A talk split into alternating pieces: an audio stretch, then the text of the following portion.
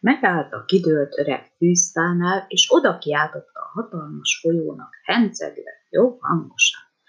Én vagyok a leggyorsabb futó!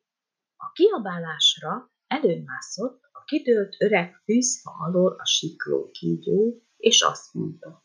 Hiszi a piszi? Nem hiszed? kérdezte a legkisebb ugrifüles. Mondtam már, hogy hiszi a piszi, sziszegett a sikló kígyó. A legkisebb ugrifüles lemászott a kidőlt öreg fűszfáról, és töprengve a sikló kígyó elé állt. És miért nem hiszed el, hogy én vagyok a leggyorsabb futó? kérdezte a sikló kígyótól.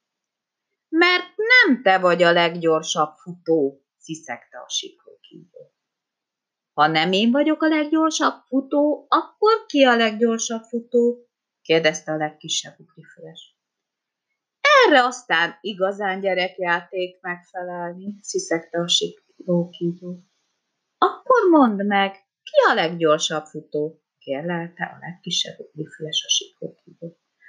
Én vagyok a leggyorsabb futó, sziszegte büszkén a siklókígyó, és fölemelte a fejét.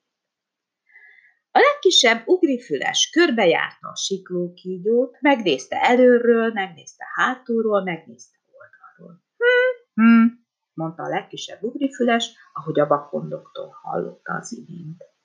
Mit hümmögsz? kérdezte a siklókígyó. Biztos, hogy igazat mondtál az előbb? Biztos, mondta a siklókígyó. A legkisebb ugrifüles abba hagyta a nézdegélést, a kígyó elé állt, és a szemébe mondta. Én pedig azt mondom neked, hogy az előbb mégsem mondtál igazat. És miért nem mondtam igazat? sziszegte a siklókígyó. Azért, mert neked nincs is lábad. Egy se. Így hát nem lehetsz a leggyorsabb futó. Vagyis én vagyok a leggyorsabb futó. A sikló kígyó mérgesen sziszegett. Buta vagy, te vagy a legbutább ugrifüles, akit valaha is láttam. Én láb nélkül is a leggyorsabb futó vagyok. Ha nem hiszed, fussunk versenyt. Jó, fussunk versenyt. Egyezett bele a legkisebb ugrifüles.